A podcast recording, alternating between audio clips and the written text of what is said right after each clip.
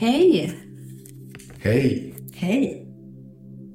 Ni? Ska vi börja med dig? Vem är du? Helena Magdalena. Författare, föreläsare, poddare med dig. Astrolog och medium. Och vem är du? Jag är Benny Rosenqvist, medium, författare, skribent och livsresenär. Och vem är du? Ja, men det låter så enkelt när ni säger. Jag tänker att för mig är det, det är resan här livet handlar om, att ta reda på vem man är.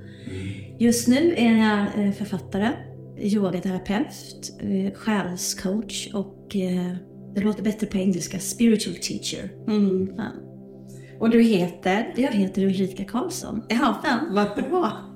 Välkommen till oss.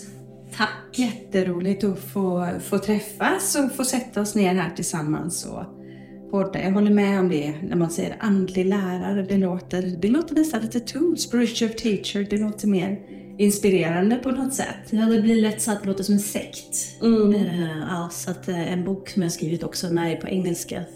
Sen översatt det till svenska så blir det liksom en hel sekt. Det blir inte, det blir, låter rätt konstigt men Just det. Men sekt är också feltolkat. För det betyder, när man slår upp det i Svenska Akademiens ord, nydanad religiös rörelse. Och även kristendomen har varit en sekt. absolut. Så det, när man tittar så säger vi, vi har också mobiliserat upp sekt på ett, någonting som pressen gör.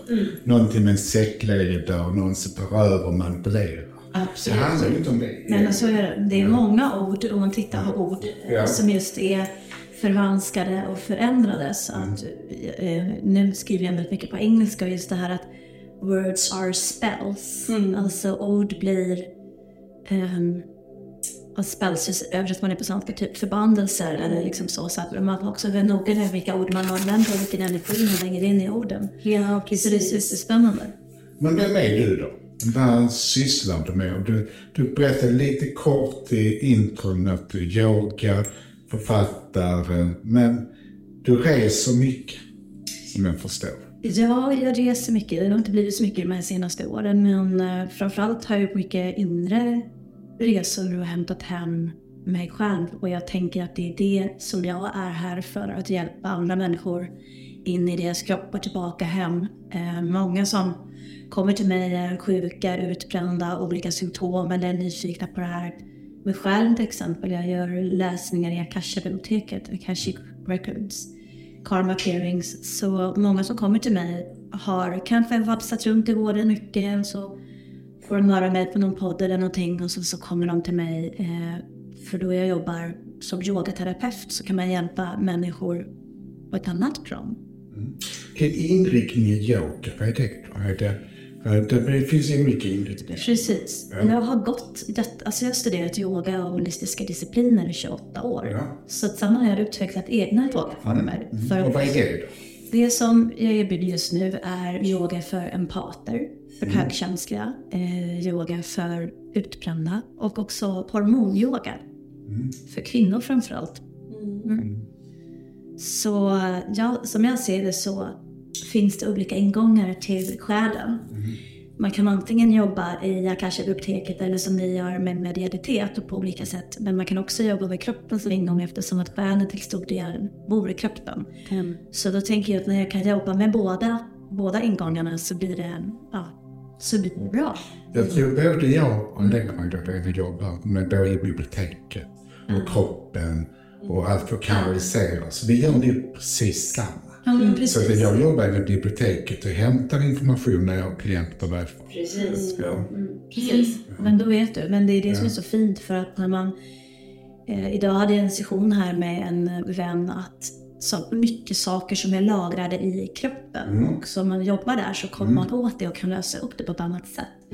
Så det är det som är så himla fint och just att, att man inte är bara i ett fack eller inrutad utan man har som ett smörgåsbord som man jobbar med utef- utefter den som sitter framför en. Precis. Det är ju gränserna som andra vill sätta på en förpackning. Och Precis. du verkar vara oförpackad. Jag är ganska förpackad, ja. Och då är du friare som person. Va, men var, var är du på väg? Vad har du, du har utvecklats väldigt mycket nu. Vad, vad, är du, vad, vad är det nya du vill göra? För jag känner att du är på väg till något nytt. Ja, Du är så, du är så intuitiv och fin. Jo, jag eh, sitter precis för att blicken föll på boken Ja. som jag gav dig. Ja. När jag har varit utbränd och deprimerad och självmordsbenägen. Och där, det är jag absolut inte. Utan det jag är nu är att jag eh, jobbar mer även liksom internationellt. Eh, så det känner jag, och det har min själ längtat efter väldigt, väldigt länge. Att vara i större sammanhang. För nu har jag ju liksom fått läka mig själv och ta hand om mig själv och mina barn. Och nu är det klart, eller för den här gången. så eh, man vet ju aldrig vad som dyker upp. Men så nu är jag här för att hjälpa människor till en högre medvetenhet. Och medvetenheten är ju också låst mycket i kroppen. Så det är mitt syfte, att hjälpa människor tillbaka in i hjärtat och eh, hem till sig själv. Och jag har ju hört det där att andligheten kommer från norr. Alltså vi kommer behövas väldigt mycket i världen. Så både jag och du och Helena Magdalena, vi ska ut i världen nu, det vet vi. Så vi, behöver, vi har en grundkunskap som är väldigt speciell med oss, som vi behövs ute i världen och kommer behövas. Så det är roligt att höra att du också känner att du är på väg någonstans. Och att du är så färdig nu, att du har gått igenom mycket men är redo att börja lyfta vingarna till mot nio. Vad har du för mål då? Alltså, jag drömmer faktiskt, nu drömmer jag stort här, jag drömmer om en bättre värld för, för människorna med tanke på hur vi lever och att vi lever liv som inte är hållbara varken för oss själva, varandra eller den här planeten. Så jag drömmer om, om den här, det här paradigmet som vi är i nu. Att jag är en av de som är med och bidrar till den världen som vi vill se. En värld som är mer baserad utifrån kärleksperspektiv istället för gamla paradigmen med rädslor och scarcity, bristprogram eh, och så som, som vi ändå har med oss men som går enkelt att transformera. Inte enkelt och enkelt, men det går att transformera. Så jag drömmer om en värld i en högre medvetenhet där vi inte förstör som vi gör, där vi inte lever som vi gör. Och om jag är hel i mig själv, då har jag inte heller något behov av att förstöra för någon annan eller förstöra för den här planeten. Så det är det som jag verkligen drömmer om, att det ska bli en friare värld. Eh, jag tänker att allting, jag har två tonåringar hemma, allting jag gör är också för att de ska få en bättre värld än den vi har skapat. Så så tänker jag och det är ju precis som du säger Benny, vi är ju många över hela världen så det är inte ett enmansjobb att man står och drar ett lokomotiv. Så, utan att det är ju verkligen, och vi har alla våra unika gåvor och unika frekvenser, unika och varför vi är här. Så jag tänker också att det inte är en slump att vi sitter här eh, idag. Det var jag som kontaktade er för att jag har träffat er båda i olika sammanhang. Och vi är jättetacksamma att du är här med oss. Jag Du- också. Så att vi tycker det är väldigt spännande. Men jag visste inte så mycket om det. Men vi har träffats två gånger och det har varit intressanta möten. Och så kände jag att jag bjuda in dig till vår podd. För jag kände att det var spännande att veta mer om dig. Och då vill jag med att du berättar vad du har för mål med kommande böcker eller kurser eller om du har eh, något ställe du skulle vilja bo i världen. Eh, Ja, det var det. Du och jag Benny satt precis här och pratade om Madeira. Ja. Så Madeira är ett ställe som jag kan tänka mig att bo på. Det har en fantastisk energi som resonerar med mig. Känns som en gudinneö. Den är väldigt så dramatisk, otroligt vacker, väldigt feminin i sin energi. Många olika eh, klimatzoner. Så där vill jag bo. Omgiven av naturen och hav runt omkring. Men Madeira, vad är det då? För jag har hört innan om de andliga energierna att man, det händer någonting, att det är det också kraftfält. Är det, vad är det som är speciellt med Madeira? Jag vet inte så mycket, men jag hör väldigt gott om Madeira. Ja, jag vet inte heller så mycket så påläst, men det är en energi som otroligt mjuk och väldigt eh, kärleksfull och omfamnande. Och sen just det, eh, mina tre, tre favoritplatser i världen är öar. Så jag har ett liv när jag har varit sjöjungfru tidigare liv. Så att för mig är det otroligt viktigt att få vara nära naturen, nära havet eh, och så. Och jag vill leva, egentligen vill jag leva ganska enkelt. Så, eh, i, i samklang med mig själv och andra. Så att det är det jag drömmer om att leva på Madeira. Och det jag gör här nu har jag precis startat upp ett årsprogram som jag kallar för Master Yourself. Så jag ska ha det på söndag ska jag faktiskt ha en workshop om det feminina och det maskulina. Där vi jobbar mycket i de gamla energierna, de omedvetna, feminina och omedvetna maskulina energierna. Transformera dem och kommer upp i en högre medvetenhet så vi får tillgång till de medvetna, mogna, maskulina och feminina energierna eftersom båda behövs i det som vi vill skapa framöver. Och vi har dem både inom oss. Absolut. Så någonstans är det hur vi connectar till dem och det, då ska vi jobba med, hur ser du på det feminina och maskulina där? För vi står ett skifte. Absolut. Jag brukar säga så att ehm, vi består, det här vet ju ni och ni som lyssnar, att vi består till 95% av omedvetna program. Som vi alla har med oss oavsett om vi är medvetna om dem eller inte. Det kan styra vår hälsa, vår syn på oss själva, relationer, jobb etc. etc. Så vi har tillgång till 5% medvetenhet och därifrån så gör vi vad vi tror är medvetna val. Och den omogna feminina energin som man kan se både hos sig själv och runt om i världen med tanke på hur världen ser ut. Där kan man se mycket manipulation till exempel. Det är en väldigt outvecklad feminin energi. Ett exempel på det.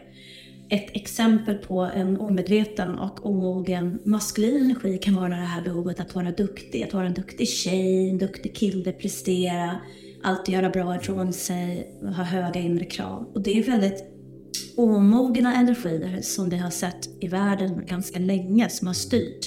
Att man ska vara duktig, man ska prestera och liksom hur man manipulerar både som individ också i det kollektiva. Så för att kunna ens vara medveten om det så behöver man våga se det, känna och liksom transformera för att sen kunna gå in och transformera det. Att det blir till en högre medvetenhet i den maskulina och feminina energin. Och då har vi det maskulina som är till exempel klarhet.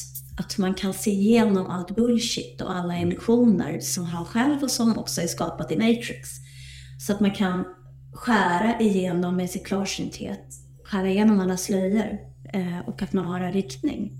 Och sen har vi det medvetna feminina som för mig handlar väldigt mycket om den kravlösa kärleken, vilket vi inte heller är vana vid. Eh, utan den är alltid kravfylld eller betingad på något sätt. Det får man med sig i modersmjölken. Att man, du, du vill bara älska då om du är bra eller om du äter upp maten på det efterrätt etc. etc. Så då behöver vi både den maskulina energin i klarheten och riktning vi behöver empatin och det villkorslösa. Den villkorslösa kärleken. Och det är i de energierna som jag transformerar. Resan börjar ju alltid med mig själv. Den förändring jag vill se i världen börjar nu med mig själv. Så, så när jag läker mig själv och jag hjälper andra att läka så sprids den medvetenheten ut i den kollektiva medvetenheten. Och därigenom kan vi skapa den här nya visionen snarare än den gamla illusionen. Den är ju på väg. Precis. Och den är ju vi verkligen på väg nu. Precis. Och det är framförallt eh, på väg i våra ungdomar, som du pratar om att du har barn. Det måste du också, Helena Marklund, märka att dina barn de är mer utvecklade. De har ett annat språk och de har närhet till det. De har en annan programmering än vad vi har för det vi pratar om. Precis. De är närmare. Vi har mycket att lära oss av den yngre generationen. Ja, De är, att de är mycket mer självklara. Märker inte du det som förälder? Jo, jag märker det och på många, både på mina barn men också på yngre kunder. Mina barn, den yngsta är 23, den äldsta 32, så de är ju vuxna och unga vuxna. Vi har också många unga som kommer på vägledning och det som, det som jag kan känna väldigt tydligt är att de, de köper inte vårt sätt att leva. Alltså de, nej. Och man har ju pratat mycket om de här kristallbarnen då som föddes många på 90-talet. Att man har fått förändra i organisationer, hur man rekryterar och hur man har personalvård och sådär. För att de är så öppet känsliga. Så att de känner direkt och sätter stopp när det känns fel. Precis. För vi kanske kände att det kändes fel, men vi pressade oss för det var liksom så samhället skulle vara. Ja. Så att där ser vi ju, det är ju de som ändå någonstans framåt kommer att komma in i, i olika stora organisationer och bedriva arbete och politik och annat. Och de köper ju inte det här gamla livet. De behöver inte passa in. Jag, Nej. jag känner att jag har fått programmera om att passa in. För jag har ju aldrig passat in igen. Jag är både gay, jag är medium och jag går min egen väg. Så jag har ju haft jobbet att inte passa in. Jag har egentligen levt före min tid. Och jag har gått sprungit ut in genom olika garderober. Det har ni säkert också gjort. För vi har egentligen inte anpassat oss. Men någonstans så kommer, är vi med rätt i samhället nu. Och andligheten eller nytänkandet hjälper oss att utveckla oss också. Och det tycker jag är så skönt med unga människor för de har ett annat begrepp om det är. Du är också förälder. Hur känner du med dina barn? Eh, nu, jag har barnen varannan vecka så jag har ju missat nästan halva deras uppväxt eftersom att jag inte lever med barnens pappa. Jag kan uppleva att barn inte tar skit. Jag kan uppleva att de har en annan syn. De lever mer också, de vet knappt om de ska äta middag hemma. Alltså de är mer i nuet. Men de är också väldigt stressade. Väldigt stressade med all uppkoppling som är, att man ska vara nåbar och liksom krav som är. Och på vår tid, då fanns ju inte liksom, mobiler och datorer på det här sättet som det är nu. Det händer också någonting med våra energisystem när det utsätts mycket att sitta framför skärm eh, med, med strålning och allting. Jag själv har haft jättemycket besvär med, med strålningssymptom och sådär nu med. Så att jag märker att tonåringarna idag, att det är både och. Det är som att de står med ena foten i det här gamla som vi pratade om också, med andra foten i det här nya och att de det som du pratade om också det är att eh, barn och tonåringar då, och ju närmare man är född 2012, desto mer intakt är man i sin egen energi. Vi är ju den gamla sortens energi, så vi läcker energi och vi liksom släpper in andras energi och hit och dit. Sen kan man ju skydda sig på olika sätt, men de är mer intakta i sin egen energi. Att de hämtar hem sig själva mycket, mycket, mycket snabbare och ja, det är det, det jag upplever. Det är ju... Och det kom in 2012, 2011 började den här manifestationen, uppkopplingen, transformationen. Och det har väldigt rätt. De trodde att världen skulle gå under, men då transformerades vi till en ny civilisation. Precis. Och de är födda i den nya civilisationen. Vi är en del utav det gamla och det nya. Ja, precis. Precis, och jag har ju skrivit i en av mina böcker om det här med kristallbarnen och diamantbarnen och sådär. Och även the blue ray souls då som många av oss är som är födda lite längre tillbaka. Och vi har ju väldigt mycket, framförallt vi som jobbar spirituellt och med yoga och meditation och så här. Vi har ju väldigt lik energi med de här barnen. Och vi var, precis som du säger Benny, långt före våran tid. Vi var mer annorlunda då, när vi var själsliga och mediala och det här. Nu är det många, många, många fler. Så att de, de behöver inte riktigt vara så annorlunda som vi behövde. Utan det är som att de, de bara har det här, det ska kännas bra, annars, annars så gör de inte. Precis. Och det tycker jag är jättefint för att jag vet ju hur det var där då på 80 och 90-talet och um, jag hade andliga vänner, vi har pratat om det i en tidigare podd. Men jag tyckte ändå det var jättejobbigt att vara annorlunda för att vara medial och själslig. Jag ville vara tuff och liksom lite mer okänslig som de andra och inte sitta där liksom med en känsloplump i magen och sådär. Eh, och idag känner jag att de delar det mycket mer med varandra. Och det är mycket mer okej att vara känslig. Högkänslighet har kommit som en, ett begrepp för ett tiotal år sedan. Och det är lättare liksom att kunna förlika sig med det och se det som en, som en kraft istället. Inte som någonting som gör att man är annorlunda. Utan eh, det kanske är i de här nya generationerna, då kanske man är annorlunda om man inte är känslig och mottaglig. Då kanske det har vänt redan. Ja, och jag tänker att det är så det behövs, för ju fler det blir, desto så kommer man ju till den här tipping point. Att det är då vi kan skapa även liksom, i större sammanhang och liksom, samhällen och så även utåt. Så det behövs absolut, så det är ju ingen slump att de har kommit. Och jag håller med dig, jag har alltid hela mitt liv också liksom försöka passa in och kämpa för att passa in. Eh, jag visste inte det där och då, men att jag var en empat och alltså, det var ju bara en, kanske fem, sex år sedan som jag började få upp ögonen att det, liksom, man är inte ensam och, och att det inte är något fel på henne. Jag har alltid gått och tänkt så, att jag är ett ufo liksom. Men det har varit en otrolig kamp att hela tiden känna av och på något sätt stänga av, paketera in, trycka ner, hålla undan ens naturliga essens. Mm, mm. För att det är ju det vi människor, vi vill ju, de mänskliga egenskaperna är att vi vill bli älskade, vi vill bli bekräftade och vi vill vara inkluderade. Mm. Det är ju det som, alltså, som flockdjur som man vill. Så många av oss anpassa sig kanske på olika sätt för att vi ska kunna få vara med igen, att vi inte ska vara utanför och så. Men det som du pratar om nu, Helena Magdalena, tänker jag att det är precis så att det, det är mycket mer okej okay att vara. Alltså att vara annorlunda är det nya normala. Liksom. Mm. Jag vet när min yngsta dotter, när hon började på högstadiet på internationella engelska skolan, så tog hon med några kompisar hem till vår lägenhet då i Vasastan. Och då hade jag haft behandling så healingbänken stod i vardagsrummet. Jag hade inte plockat undan.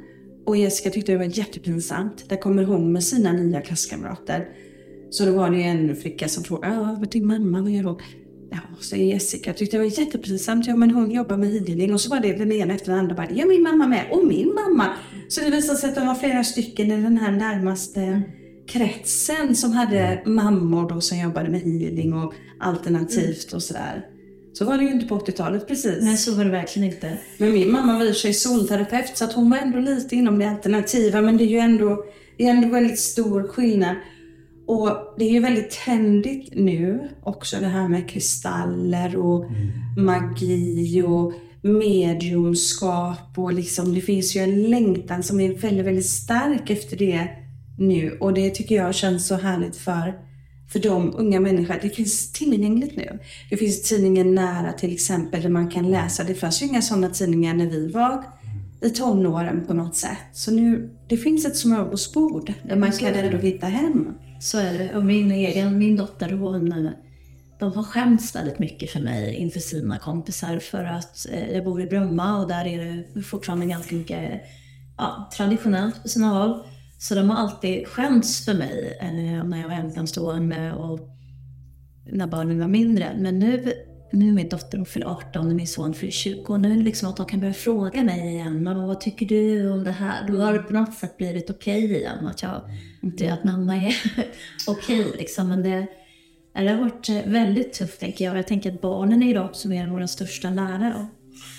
Vi hade mormor som bara, så att hon alltid sa att allting är okej okay, om man skulle vara den man var. Mm. Så i min familj så har jag aldrig mött det här att jag var annorlunda, utan där var det en tillgång med annorlunda. Så de var stolta över mig, både mina kusiner och mina syskon. Mm. Vi fick lov att vara den vi var. Och hon tyckte det var så viktigt, min mormor. Men det var en stark kvinna som gick före alla andra. Mm. Och sen var hon gift med en man som var medial. Så min morfar var medial det var ju inget konstigt för henne. Mm. Och detta var ju alltså då på 40-talet. Mm. Så jag kan tänka, det är ju magiskt. Och det har ju mm. präglat min familj så att de, när mina kusiner blev intervjuade för ett, TV, eh, för ett radioprogram så sa de, ja men det, för oss är det ju självklart. Men den jag kan var med om sig resa på andra sidan och han var med om nära döden-upplevelser. Det var liksom någonting som var naturligt eftersom man kanske inte pratar i andra familjer. Men för dem välkomnade de att jag var annorlunda. Sen är jag morbror som också var gay. Aha. Och det hjälpte också ja, min familj. Så jag har aldrig upplevt det här som ni säger. Och jag har ändå, jag kom ju ut ur garderoben som medium 69. Mm. Jag har alltså jobbat i 50 år mm. som medium. Mm. Det är rätt häftigt. 53 år har jag jobbat med jag innan alla andra mm. gjorde det. Så. Mm. Och jag var ju den som var med och startade Telenor Jag var den som gav första svenska boken i andlighet i den formen som det gjort. Så att jag har egentligen kämpat själv väldigt mycket. Men sen kom det många andra. Så jag var egentligen först med mycket. Och det fanns inte någon. Nej. Nej. Men det, Nej, det, är ju, det är ju fantastiskt att du hade det så när du växte upp. Jag hade ju också en väldigt fin familj i det. Ja. Men jag tyckte just...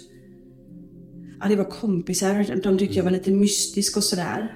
Och en, en tid där i tonåren, jag ville vara vanlig. Och inte vara mystisk. För man hade någon sån här, men hon är lite mystisk den här tjejen. Inte att jag var utstött, ingenting så, utan jag var populär. Men det är så fint när man har en sån familj. Vi har ju pratat om det innan i podden, att min mamma är också öppen och mormor var ju det. Inte kanske lika uttalat, men jag har aldrig känt att jag är fel på något sätt. Däremot vet jag när jag var lite yngre, jag vet att man ibland tyckte mamma tyckte det. Min älskade mamma. Att jag var väldigt känslig. Och jag var det. Alltså jag var jättekänslig. Jag var väldigt högkänslig. Och blev det för mycket så bröt jag ihop utan att jag visste, visste varför. Och det var ju lite svårt ibland liksom när jag var för otröstlig. Men det fanns inget att ta på utan det var bara att det var för mycket.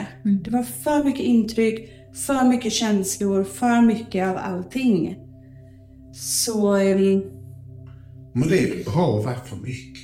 Ja. Alltså någonstans får man sig själv. Alla människor som inte är för mycket, det är de som dämpar sig. Ja. Alltså vi är mycket vi människor överhuvudtaget. Och de som inte är mycket, de är inte sig själv.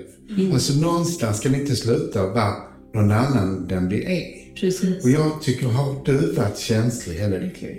Ja, jag har varit känslig hela mitt liv, men jag har heller inte förstått det och inte vetat om det. Och jag kom också från en familj...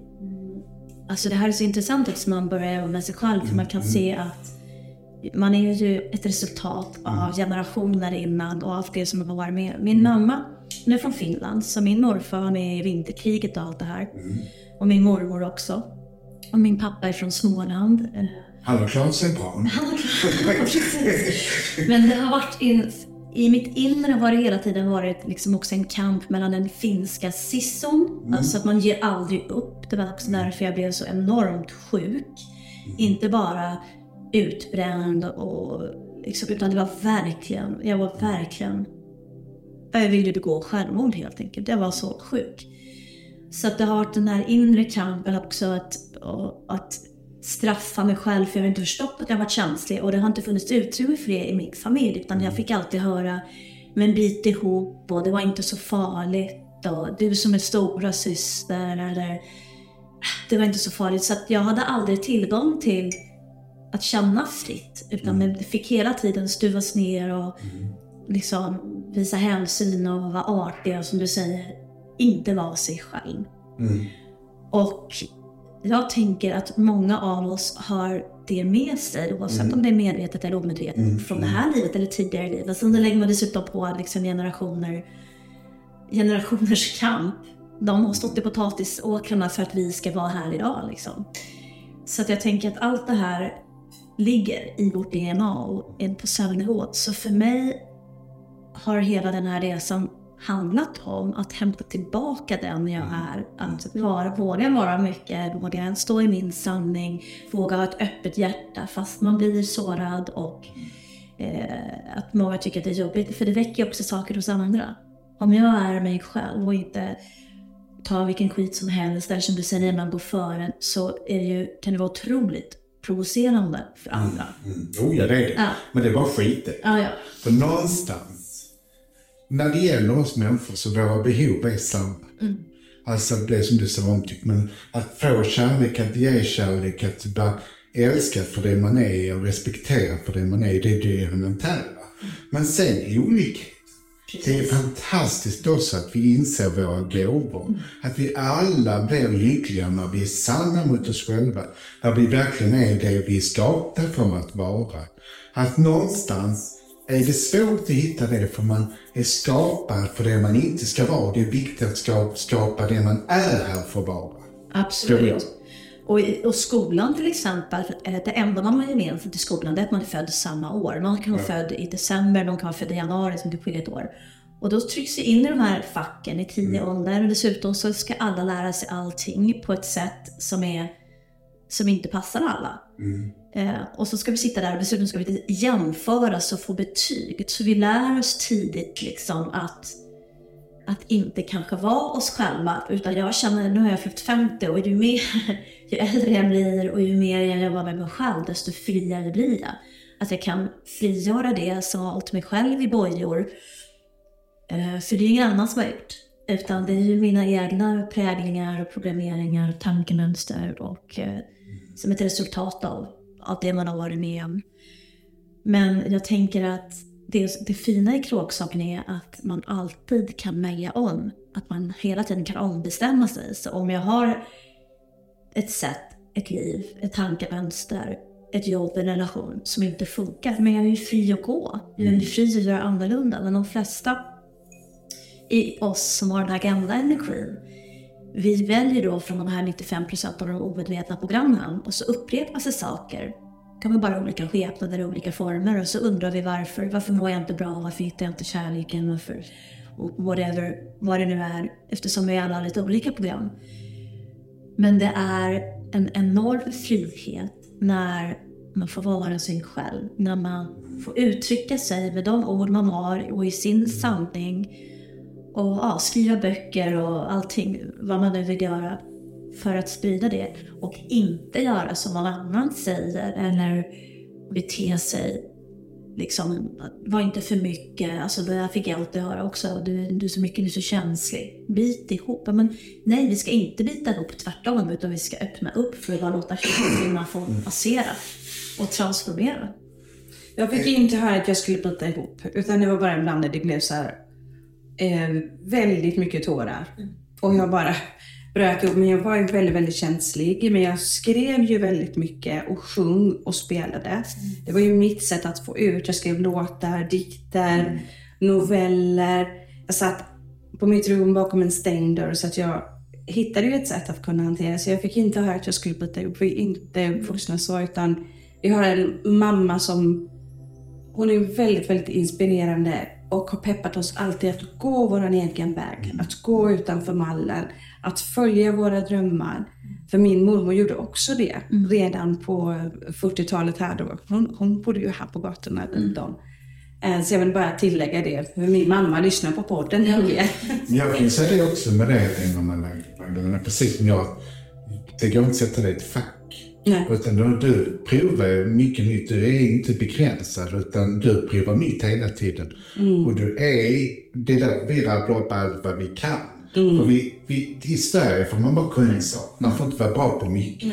Men vi är ju begåvade med många olika saker. Vi blir grann som att vi inte behöver begränsa oss. Absolut. Sen tror jag också lite, jag kan ju tycka att vi människor går igenom olika mönster till har lärt oss färdigt. Att vi kanske träffar en viss typ av kärlek, så vi har lärt den typen färdigt. Att det blir värre och värre och till slut så bryter vi det mönstret när vi är färdiga och vi har olika plan vi måste lära oss. Så själen har ett plan på det intellektuella, sen har vi ett på och vi förstår det intellektuellt, hur kan vi släppa det mönstret när vi förstår det känslomässigt och när vi förstår det själsligt. Först när vi är på alla planen så kan vi lämna ett mönster bli ett nytt. Absolut, det håller jag helt med om. Ja. Och där tänker jag att mitt arbete med när jag jobbar med kroppen, med yoga, Ja, ja, med ja. såna här eh, intuitiva stress releases, att där, eh, där kan man också hjälpa människor att, för det de vet och det de förstår och det de vill, att de kanske inte är där i kroppen. Men, men om man då frigör det som finns i kroppen så har de mer tillgång till det. Så jag håller helt med att det är många olika plan och att vi hela tiden är men som tillbaka till frågan, vem är jag? Att det är hela tiden ett växande, hela tiden en utveckling. Utvecklande. Anden vill ju att vi ska utvecklas. Det är ju egot som vill att vi ska vara stark, att vi ska vara kvar. Det handlar om överlevnad. Själen är ju evolution, utveckling och att vi ska bli den bästa versionen av oss själva. Egot är ju själen, men egoisten Ja. är den som stoppar oss. Ego är jag. Och det har vi alla, det är en del av själen. Så det, det egot är ju en energi som, det är bra att vi har, att vi har ett jag. Men egoisten, den är inte trevlig, för den har vi också med oss. Att är- älska vissa saker som är själviska på något sätt. Och när vi släpper det så kommer vi längre. Absolut. Jag tänkte det är spännande med ditt sätt att se på utbrändhet och kroppen och energi och det som sitter i kroppen. För vi pratade lite om det sist. Hur hjälper du en människa som är utbränd? Eh, det finns många ingångar. Jag brukar alltid börja med andningen, Ja. andetaget. Man också hör på ordet andetag. Eh, de allra flesta av oss har en ganska begränsad andning, vilket också begränsar att vi, vi har inte full kontakt med anden. En begränsad andning är begränsad spiritualitet, begränsad andlighet. Så när man jobbar mycket med andningen till exempel så kan man, och andetaget är som en bro mellan det medvetna och det omedvetna, mellan yin och yang, mellan och så. Så där kan man använda andetaget att komma in, djupt in i gamla trauman, gamla sår och läka upp det. Och också så jobbar jag, som nu idag hade jag en längre sektion och då, känner jag vilka punkter jag kanske ska jobba med och trycka på för att personen i fråga ska ha någon form av stress release. Oftast kanske det kommer gråt, det kanske kommer ilska, kanske kommer gamla minnen eller trauman. Så, så det går att göra på väldigt, väldigt många olika sätt. Men att använda sig av kroppen, som nu när jag ska jobba med det feminina och maskulina till exempel på söndag så kommer jag, kommer jag jobba med de olika energierna. Så får de känna i hur det känns när vi jobbar med kroppen, den maskulina energin, omedvetna och den omedvetna feminina. Och sen tar jag in dem i de mer medvetna energierna. Genom kroppen, genom breathwork, genom meditation, genom sharing, reflektionsfrågor etc. Eh, och då kan man ju själva känna skillnaden. Att det här är någonting som jag kanske har varit i, någonting som jag har haft med mig, men det här är det som jag vill mot. Gud vad spännande. Ja. Mm. Jättehäftigt. Ja, det är jättefint. Och sen är jag också, jag jobbar med, jag har gått utbildningar som uh, Dakini, Priestess Dakini, det är sexual healer. Kan jobba med den sexuella energin, men då pratar jag inte bara liksom om, om sex. Även om sex, allting är en förening, handlar om en förening. Men att jobba med den sexuella energin är ju, alltså kundalini, prana etc. Det är också det att som jag, man kan frigöra mycket, mycket, mycket, mycket energi. Och vi som kvinnor, jag har skrivit en bok som heter How You Fuck and Sacred Water, The Secret Connections to Everything.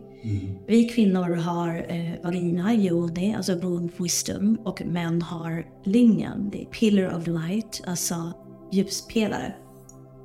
Men om man tittar också återigen det här hur historien har varit och hur det sett ut, så har man varit mycket i de ja, men penetrativa, liksom, omogna energierna som gör... Alltså det är bara att titta hur vi behandlar världen. Så alla vi som har en vagina eller har levt i en vagina, vi har tillgång till womb wisdom. Och jobbar man med, med den sexuella, sexuella healingen, man kan göra deamoreringar eller yoni-massage eller eller jobba med kroppen på olika sätt, då kan du alltså komma åt otroligt mycket som du inte ens är medveten om att du har. Vadå för någonting? Ja, men till exempel att jag har kommit och jag vet att jag har varit sjöjungfru. Ja, mm. Det är bara som ner ett, ett, ett, vad häftigt. ett, hela språket kom ner. Och jag bara oj, jag prat- pratar flytande mermaidian. Ja. Och jag kunde se hur jag var i den civilisationen, i den världen. Gud. Och jag har en otrolig kontakt med mitt inre vatten. Vattnet kommer med koder, med information. Mm. Så jag kan använda mig av mitt inre vatten för att få koder om mig själv och, och även nycklar till att hjälpa låsa upp hos andra. Wow.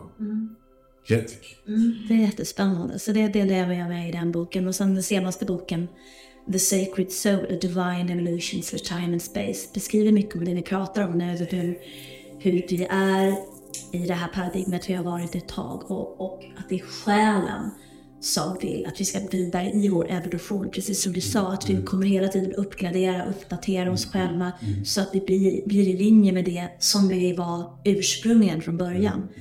I själens liksom högre frekvenser energier. Eh, och där har vi ett val. Vi kan välja att säga ja till det här, men vi kan också välja att säga nej. Och det är, alla kommer inte att följa med på det som Det märker vi. Mm.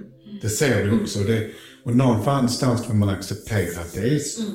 Och vi ser ju också det som händer i världen. Att de som inte vill, de protesterar emot och är rä- rädslan styr dem Mm. till den ondskan de befinner sig i. Precis. Så det är det som är så bra, att vi, att vi ska bli påminna om att vi är fria själar innebär att vi har fria val hela tiden. Även om vi var program och så med oss så har jag ett fritt val att transformera, att titta, att växa, att utvecklas, att Eh, men jag har också ett val att stanna kvar. Så det, och, eh, det har jag brottats lite med med människor i min närhet. Att, eh, för det handlar ju också om som själ. Vi vet ju när vi går vidare vi kan inte ta med oss någonting. Det enda vi tar med oss är vår egen livserfarenhet som, som följer med själen till nästa reinkarnation, till nästa liv, till nästa skepnad form. Men jag kan inte ta med mig någonting. Och... Jag blir ledsen av det. Lämna väskan Ja, men jag, jag förstår vad du menar. Någonstans den rikedom du har med dig, det är ju faktiskt kunskapen och möten av de människorna som ger dig. Absolut. Så det är ju det stora i livet. Det är ju erfarenheten som du alltid har med dig. Det enda Absolut. rikedom du har. Och det följer med själen. Ja, Allt det som ja, du har lärt dig i det här mm, livet och tidigare liv följer med själen. Ja. Men eh, det har varit en sorg för mig i det här livet att inse att människor som jag tycker om och bryr om kommer kanske inte vara med på den här färden, den här resan. De, inte, de vill inte. Och då finns det ingenting jag kan göra eftersom att de har en fri vilja så kan jag, jag kan bara liksom säga från mitt perspektiv och sen så får det resonera och så får man göra vad man vill liksom. Men senare kommer de kanske. Ja, Och det är det jag väntar på. För någonstans, människor måste få göra det i sin takt. precis. Och man får sörja dem, men man någonstans så får man glädjas med dem man möter som är på den nivån man är och den resan man gör. Absolut. Men då lever jag. Men det är också en sorg med människor som man älskar och som är nära och man vet att det finns ingenting jag säger eller gör som kan få dem att ändra sig, för det måste komma inifrån dem själva. Men ändå så gör det någonting att du är kärleksfull och önskar det. Och det hjälper. Det, du såg ett litet frö och det fröet måste få gro när de vill. Så är det. Och det att vi sitter här, tänker jag också är för Ja. frön. Ja, är man sår frön i sitt arbete med böcker, eh, när man i möte med människor, när man Mm. sitter så här. Eh, jag minns när jag var självmordsbenägen själv så var det en dag så på den tiden när jag lyssnade på Oprah Winfrey. Och då hade hon en gäst. Jag kommer inte ihåg vad det var för gäst. Jag kommer inte ihåg vad de sa. Men det hindrade mig från att begå självmord den dagen. Då tänker jag alltid om det är någonting jag säger, även om det bara är ett ord eller en känsla eller en energi som förmedlas, så kanske det är någon som lyssnar, som inte vet någonting av, i etern där ute. Så kanske det gör skillnad för den. Och då kanske den personen kan göra nya val och välja mer i linje det som är den själs, själsresa. För att göra någonting för någon annan. Precis. Så vi sår ett frö för många. Och det är någonstans är resan så fantastisk. Man möter ju alltid någon som har kommit längre än en, så man kommer högre ändå. Så alla möten är så oändligt stora, så de, den resan vi gör är så vacker. Det är fantastiskt. Och att vi alla har vår egen unika resa, vår egen unika frekvens av olika radiostationer och också unika assignment. Det ser inte likadant ut. Även om vi tre skriver böcker alla tre så är det kanske du har ditt språk, dina ord och du har ditt, jag har mitt och det är liksom kanske till andra människor att det nås, nås ut. Så, att, så det är det som är så fint för att det är det som är grundtanken. Att vi, är, att vi alla är unika och man jobbar då med sin unicitet så kan man också hjälpa att ta fram det hos andra. För vi alla är inte heller tänkta att vi ska vara medier och yogalärare och författare. Vi behöver också människor som ger oss mat på borden. Människor som fraktar oss till våra familjer fram och tillbaka tryggt. Liksom. Eh, och gör det med passion. Vi behöver människor som kanske ja, brukar jorden, tar hand om våra barn och gör det utifrån sin frekvens och sin, sin rika gåva. Mm. Tack så mycket. Och Ulrika, tack för att du kom. Och eh, det var en trevlig resa detta med dig. Jag önskar dig all lycka till. Och jag tycker det är underbart att jobba med dig Helena Magdalena. Det är alltid lika trevligt med våra möten. Verkligen, det är det. Och jättespännande att få lyssna på dig. Ulrika, vi har ju då bara träffats lite snabbt någon gång. Jag har ju känt till dina böcker, jag har ju sett, jag vet att du har varit på Regnbågen. Jag tror till och med du var kvällen efter mig för inte så länge sedan. Så jättekul att få, få lyssna och jättefint intressant samtal. Så tack till dig också Benny. Tack så mycket. Och tack till alla våra lyssnare. Vi hörs snart igen. Puss och kram. Puss och kram. Tack för att jag fick vara här med, med er och i er fina energi och eh, vara med i er podd. Och jag håller med. Tack du som lyssnar. Åh, tack snälla. Puss och kram. Puss och kram. Oh.